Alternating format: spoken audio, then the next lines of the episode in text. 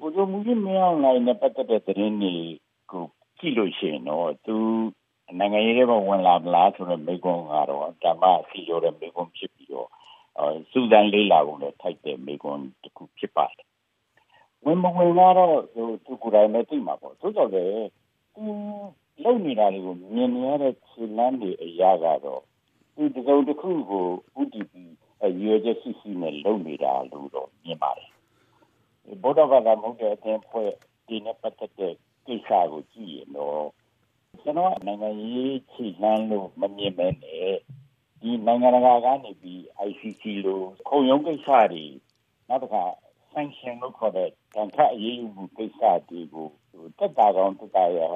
ရအောင်လုပ်နေသလားလို့ကျွန်တော်ကထင်ပါတယ်ခင်ဗျအဲ့တော့နိုင်ငံရေးတွေဝင်မယ်မဝင်မှုကတော့အတိအကျပြောလို့တော့မရဘူးဆိုတော့မဖြစ်ဘူးလို့လည်းကျွန်တော်ကတော့ မမြင်နိုင်ဘူးပေါ့ခင်ဗျဟုတ်ကဲ့ဆိုတော့ကဲသူနိုင်ငံရေးတဲ့ဝင်လာပြီလို့ပဲကျွန်တော်တို့မှတ်ယူပြီးတော့ဆွေးနွေးကြည့်မယ်ဆိုရင်တကယ်လို့သာသူဝင်လာခဲ့ရင်သူ့ဘက်ကအာသာချက်တွေဘာတွေရှိနေတယ်ဆရာဒီအချိန်မှာတိုင်းသားတချို့ကသူ့လိုလူတနည်းအားဖြင့်တမတော်ဘက်ကပြန်ပြီးတော့အုပ်ချုပ်တာပိုကောင်းတယ်လို့ထင်ကြလေမလားဒါကြောင့်လဲဆိုတော့တချို့တိုင်းသားဒေသတွေမှာဒီ ဒီမိုကရေစီလူခွင့်ရေးဆိုတာတဲ့သူတို့တိုင်းသားအခွင့်အရေးကိုပို့ပြီးတော့လူချင်းနေကြတဲ့ကိစ္စတွေဖြစ်ပါတယ်ဥပမာရခိုင်နယ်စပ်မှာဖြစ်တဲ့ပြဿနာတွေနဲ့ပတ်သက်ပြီးတော့တချို့လူတွေကဒီတမန်ရဲ့သဘောထားကပူပြီးကောင်းတယ်လို့ယူဆတဲ့လူတွေရှိပါတယ်အဲဒီတော့အဲ့ဒီဟာတွေကိုကြည့်ရင်သူ့ဘက်ကအသာချက်တွေဘာများရှိနိုင်မယ်ထင်ပါလဲတကယ်လို့သူနိုင်ငံရေးတဲ့ဝင်လာရင်ဟုတ်ကဲ့ ကျွန်တော်လည်းအဲ့ဒီအချက်ကိုတော်တော်နှစ်ကြာကြတယ်ကစဉ်းစားပါတယ်ကျွန်တော်တို့မြန်မာနိုင်ငံကြီးပြက်နေသူကအနေထားကိုကတင်နိုင်မဲ့တနည်းအားဖြင့်ပိုကောင်းအောင်လုပ်နိုင်မဲ့ကောင်းဆောင်မှုဘာရှိတယ်လေလို့ကျွန်တော်အများကြီးဟိုနှစ်ပေါင်းများများစွာစဉ်းစားပါတယ်အဲ့တော့တမတော်တွေကပုဂ္ဂိုလ်ကတိုင်းပြည်ကောင်းလာအောင်အမားတွေကိုပြင်လာနိုင်အောင်လုပ်နိုင်စွမ်းရှိတော့ကျွန်တော်ကအဲ့လိုလူမျိုးဟုတ်တယ်ဆိုတော့ထောက်ခံကျင်ပါတယ်သို့တော့ တမတော်ထဲမှာကျွန်တော်တို့ဘူဂျုံကြီးနေဝင်ကစပြီးတော့ဘူဂျုံပူကြီးတွေကြည့်လိုက်လို့ရှိရင်သူကအဲ့ဒီကောင်းစားရေးကိုဆောင်ရွက်နိုင်စွမ်းမရှိကြဘူးလို့ကျွန်တော်ယူရိုသားသားနဲ့အာနာနာနဲ့ပြောလိုပါတယ်ဒါတပြင်းအခုဘူဂျုံကြီးမရောက်လာလို့တက်လာတော့သူ့ရဲ့လုံရက်ဒီဟိုကြည့်လို့ရှိရင်တော့ကျွန်တော်ကအတော့ကိုအားမရဘူးအရင်ဘူဂျုံကြီးတွေဘူဂျုံပူကြီးတွေတဲ့ကိုညံ့နေလို့ကျွန်တော်ကမြင်တယ်။ ဘာကြောင့်လဲဆိုရင်ပြောတာဆိုတာလုတာကိုင်းတာဆောင်ရွက်တာတွေကြည့်လို့ရှိရင်အားကိုးလိုက်တဲ့ပုဂ္ဂိုလ်တယောက်ကိုကျွန်တော်ကမမြင်ဘူး။ဒါပုဂ္ဂိုလ်ကြီးပါ။အဲတမလို့ဘက်ကအာပို့ပြီးတော့ရသားတဲ့အဲဒီဟိုဟိုခဏညဉ့်ညဉ့်ရေးကိစ္စဖြစ်ဖြစ်တန်ခါရေးဖြစ်ဖြစ်အဲဒီတောင်းကားဖြစ်ဖြစ်လုံနိုင်မလားဆိုကျွန်တော်ကတော့ခုထိတော့တူတယောက်မှမမြင်သေးဘူးခင်ဗျာ။ဆက်ကျွန်တော်တခုစဉ်းစားမိတာတချို့ကစဉ်းစားကြတယ်။ အခုမြန်မာနိုင်ငံရဲ့လက်ရှိဖွဲ့စည်းပုံအရဆိုရင်တက်မတော်ရဲ့အခန့်ကဏ္ဍသိပ်များနေတယ်တက်မတော်ဟာသမရရဲ့အမိန့်ဒီအရသားရဲ့အမိန့်ကိုလည်းပဲနာခံဖို့လည်းဒီနေ့အပြင်တက်မတော်ကိုကင်တွယ်နိုင်တဲ့ဩဇာညောင်းနိုင်မဲ့လူတယောက်စီထိုင်းရင်ဒီမြန်မာနိုင်ငံရဲ့လက်ရှိဖွဲ့စည်းပုံအရဆိုရင်ပိုကောင်းမယ်အုပ်ချုပ်ရေးပိုချောမွေ့မယ်လို့တွက်တဲ့လူတွေရှိပါတယ်နမူနာချင်းဥသိမ်းစင်လက်ထက်ကဆိုရင်ပိုပြီးတော့အဆင်ပြေခဲ့တဲ့ဘာညာပေါ့လေတချို့ကတွက်ကြပါတယ်ဆိုတော့အဲ့ဒီရှုထောင့်ကကြည့်ရင်တော့ဆရာဘယ်လိုသုံးသပ်မလဲ ဟုတ်ကဲ့ဒီချက်ကလာဓမ္မဟိုစီလိုတဲ့မိကွန်းတစ်ခုပါဟုတ်တော့လေကျွန်တော်မြန်တာကတလို့ပြဘိုးကြီးသိမ့်စိန်ဦးသိမ့်စိန်ဖြစ်လာပြီးတော့သမတလုတ်တဲ့ကာလ9နှစ်ဟာအခုပြောင်းကာလတစ်ခုပါတကယ်ကိုဟလာဟိုဟောပေါ့နော်တဦးဆိုင်မဲ့စနစ်လို့စစ်အုပ်ချုပ်ရေးကနေပြီးတော့ဒီမိုကရေစီတစ်စိတ်တစ်ပိုင်းတစ်စုံတရားရှိတဲ့ကာလမှာဥဆောင်တဲ့ပုဂ္ဂိုလ်ဖြစ်တယ်ဒါကြောင့်မလို့သူ့ကိုအမှတ်တွေအများကြီးပေးပြီးတချို့ဆိုတက်ခါစားနိုဘယ်ဆုတော့ပေးလို့တော့ ဟိုဤစကားကိုပြောကြလုပ်ကြသေးတာနော်အဲ့တော့သူ့လက်ထက်မှာဟိုဘယ်လိုဖြစ်လာလဲဆိုတော့လာကျွန်တော်တို့လိုအမိမဲစင်းတွေဟိုဟိုဟိုအထူးဖြစ်ဖြစ်တဲ့ကိစ္စအပါဝင်တော်တော်များများအပြောင်းလဲတွေဒါပြောင်းလဲနေလောက်ပါလေလောက်တယ်ဆိုတော့လေ2008ဖွဲ့စည်းပုံအောက်ကလောက်တာပါဒါဒီအတွက်ကျွန်တော်တို့ဥသိစိန်ဟိုတမတော်အရာရှိကြီးဟောင်းမှုလို့အမှတ်ပို့ပေးနိုင်ရင်မရှိဘူးခင်ဗျအဲနောက်တစ်ခါဥသိစိန်ရဲ့လုပ်ပုံလုပ်နေဟာဥတန်းရွှေနဲ့လည်းမတူဘူးဦး စောမောင်နဲ့လည်းမတူလက်ရှိဘိုးချုပ်မင်းအောင်လည်းမတူဘူးနဲ့သူကဟိုတီတီညီညီအေးစစ်စစ်လူတွေတယောက်လိုခတ်ဆန်တာပေါ့နော်ဟိုသူပါတီတွင်းကိစ္စလွဲရင်ပေါ့ဒုက္ခတဲ့လူတွေမလို့ဒါပြဿနာနေတဲ့အတွက်ဒါတမတော်ရရှိမှုဟိုဒီလိုဖြစ်သလားဆိုတော့ကျွန်တော်တော့အဲ့လိုတော့မယူဆပါဘူးဆိုတော့အခုလက်ရှိမြန်မာနိုင်ငံအခြေအနေမှာဒီပုံစံတိုင်းရှေ့ကိုရွေးကြမယ်ဆိုရင်တော့ဒီတမတော်ကို ကင်တွယ်နိုင်မဲ့တမတော်နဲ့တဟဇာတာဖြစ်အောင်ညှိနှိုင်းပြီးတော့တိုင်းပြည်ဒီမိုကရေစီအရွေ့ရှေ့ကိုပို့ပြီးတော့အချိန်မြန်လာအောင်လုပ်နိုင်မဲ့အလားအလာရှိပါရဲ့လားဆရာကြီး။အာအဲ့ဒါလေကျွန်တော်တော်တော့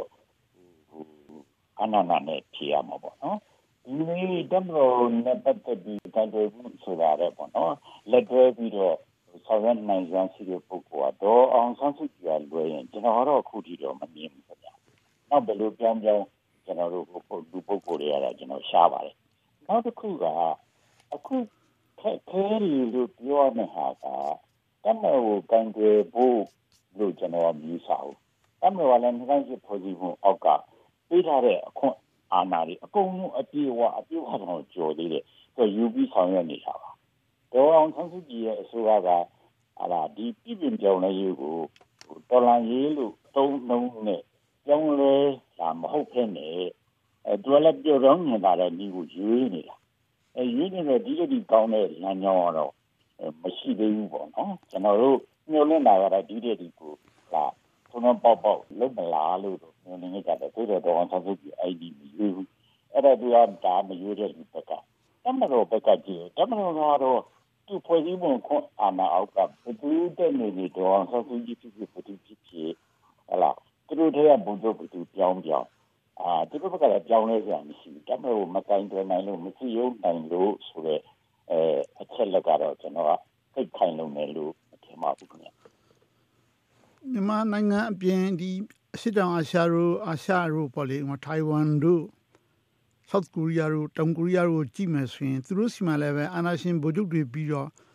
အရသားနဲ့တဟဇာတာဖြစ်အောင်လုပ်နိုင်တဲ့ဗိုလ်ချုပ်ကြီးတွေကတိုင်းပြည်ခေါင်းဆောင်ဖြစ်လာတဲ့အခါ နှစ်ဖက်ကိုသူတို့ညှိသွားနိုင်တာတွေ့ရပါတယ်အထူးသဖြင့်ဆိုရင်ချန်ဒူဟမ်ပြီးတဲ့အခါဗိုလ်ချုပ်ကြီးနူတီဝူကတောင်ကိုရီးယားမှာအဲ့လို civilian တွေက elite တွေနဲ့တပ်မတော်ကပြုပြင်ပြောင်းလဲလူလာတဲ့လူတွေညှိပြီးတော့သူဖွဲ့စည်းပုံကိုဆွဲပြီးတော့ဒီမိုကရေစီလမ်းကိုရှောင်လှမ်းလာခဲ့တာဥစဉ်တောင်ကိုရီးယားဟာတော်တော်ကိုအောင်မြင်ထွန်းပေါက်တဲ့နိုင်ငံကြီးဖြစ်သွားပါပြီဆိုတော့အဲ့ဒီနမူနာတွေကြည့်မြန်မာနိုင်ငံမှာရောအဲ့လိုအစဉ်လာမျိုးတစုံတရာဖြစ်လာနိုင်မဲ့မျိုးရင်းချက်ကျွန်တော်ထားနိုင်ဘူးလား ဟုတ်ကဲ့ဆရာဒီမိကုန်းကလည်းကျွန်တော်ပထမအုပ်စုမိကုန်းမှာဆွေးနွေးတယ်လို့ပေါ့နော်ကျွန်တော်တို့မျိုးရင်းမျိုးရင်းကြပါလေအဲ့ဒီကောင်းဖို့အတွက်အရတာဖြစ်ဖြစ်တမတော်ကောင်းဆောင်ဖြစ်ဖြစ်ကောင်းဆောင်အောင်ချောက်ရှိဖို့မျိုးရင်းမျိုးရင်းပါတယ်ဒါတော့ခုနကျွန်တော်တို့ကြောကြတာဆွေးနွေးကြတဲ့ဥပမာတွေလို့ပေါ့ကျွန်တော်တို့ဗမာနိုင်ငံကရှိလာရင်တော့ဟိုကောင်းတာပေါ့ဒါဆိုကျွန်တော်တင်ပြရလို့ကျွန်တော်ကတော့ဟိုရှိလာကြအကြောင်းမမြင်ဘူးခင်ဗျ အဲခုနကျွန်တော်ဆွေးနွေးတဲ့တပတ်ဦးသိန်းစိန်ကအဲ့ဒီလိုလုံနိုင်ကြရှိတဲ့ပုံကိုယ်သာဖြစ်ခဲ့ရင်တော့တိုင်းပြည်တော်တော်လေးတောင်ကောင်းနေကြအကြောင်းရှိတယ်တော်တော်လေးဦးသိန်းစိန်ကလုံနိုင်စွာမရှိခဲ့တယ်လို့နောက်တက်မယ်လို့ပြောတဲ့အခုလက်ရှိအဲတမတော်အကြီးဆုံးဗိုလ်ချုပ်မှုကြီးမင်းအောင်လှိုင်ကလည်းဒီစဉ်လောက်တော့မှလုံနိုင်စွာရှိမလားမရှိဘူးလို့ကျွန်တော်ကတော့ဟိုငါးနှစ်တာတဒန်းအတွက်မှာအဲ့လိုသုံးသပ်တယ်ခင်ဗျာဒါကြောင့်ကျွန်တော်ပုံမှန်နိုင်ငံမှာ တမတော်တွေကအရာရှိဟောင်းဒီဒီမဆိုတိုင်းပြည်ကောင်းအောင်ပေါ့နော်လုံနိုင်စွာရှိတဲ့နှလုံးကြီးရဲ့လက်ယုံကြီးရဲ့နိုင်ငံရေးအဆန်းရှိတဲ့တနည်းအားဖြင့်ဟိုကြီးကြီးမားမားတပါရှိတဲ့တမတော်ကောင်းဆောင်ကျွန်တော်ကအခုတည်းကမမြင်နေဘူးခင်ဗျဟုတ်ကဲ့ဆရာနောက်ဆုံးနည်းနည်းတွေ့ကြည့်အောင်ပါဆရာအဲ့လိုဆိုတော့ဒီမြန်မာနိုင်ငံအခုဒုတိယအကြိမ်ပေါ်လေဒီဒီမိုကရေစီရွေးကောက်ပွဲကျင်းပလာပြီးတဲ့နောက် ချိန်လှမ်းတော့ဘယ်လိုဖြစ်သွားမယ်ထင်ပါလဲဆရာဒီတိုင်းပဲနေမလားအဲ့တော့ဘယ်လိုပုံစံမျိုးနဲ့ဒီထက်ရွေးအောင်လုပ်နိုင်ကြမလဲဆရာကျွန်တော်ကဟို NLD ကိုကြော်နိုင်တဲ့ NLD ကပူကောင်းအောင်လုပ်နိုင်ဖို့ဆိုတဲ့နိုင်ငံရေးပါတီကတော့ကျွန်တော်ကတော့အမှန်နဲ့ပြောရင်တော့မမြင်သေးဘူးခင်ဗျအဲ့တော့ NLD ရရတဲ့မဲတွေကိုရတော့ခွဲယူဖို့ဟိုအဆင့်လောက်ပဲဖြစ်နေတယ်အဲ့တော့ဟိုကြံ့ခိုင်ရေးဟိုဟို UTP လောက်ကြတာမဟုတ်တမတော်ကို UTP လောက်ကြတာမဟုတ်ပဲနဲ့မဲနေရရရေးလောက်ထားတဲ့နိုင်ငံရေးပါတီဒီကများနေတယ်ခင်ဗျကျွန်တော်မြင်နေတယ်တိုင်းကဒီသားတွေတိုင်းသားတွေအမိခံတဲ့ပါတီနိုင်ရမယ်အဲဒီမလို့ခေါ်တဲ့အလေကလည်း NLD ကများပြီးတော့အဲ့မှာကြံ့ခိုင်ရေးကတချို့နေရာမှာဟိုဒီမိုကရေစီကြီးဒီအချင်းချင်းအဆင်မပြေရင်ကြံ့ခိုင်ရေးကကြားပေါက်ရမယ်သုံးသက်ချက်ကတော့တစ်နှစ်လောက်တော့စောသေးတာပေါ့အဲ့တော့2015အပြီးအခုရှောင်းလန်းလာတဲ့၄၅နှစ်အတွင်းမှာ ဒီမိုကရေစီဘက်ကိုရွေးတဲ့အရွေးတဲ့2020နောက်ပိုင်း၄၅နှစ်ကလည်းပဲဘယ်လိုမှပြောင်းလဲစရာမရှိသေးဘူးလားဆရာအဲ့လိုဆိုတော့ဘယ်လိုများ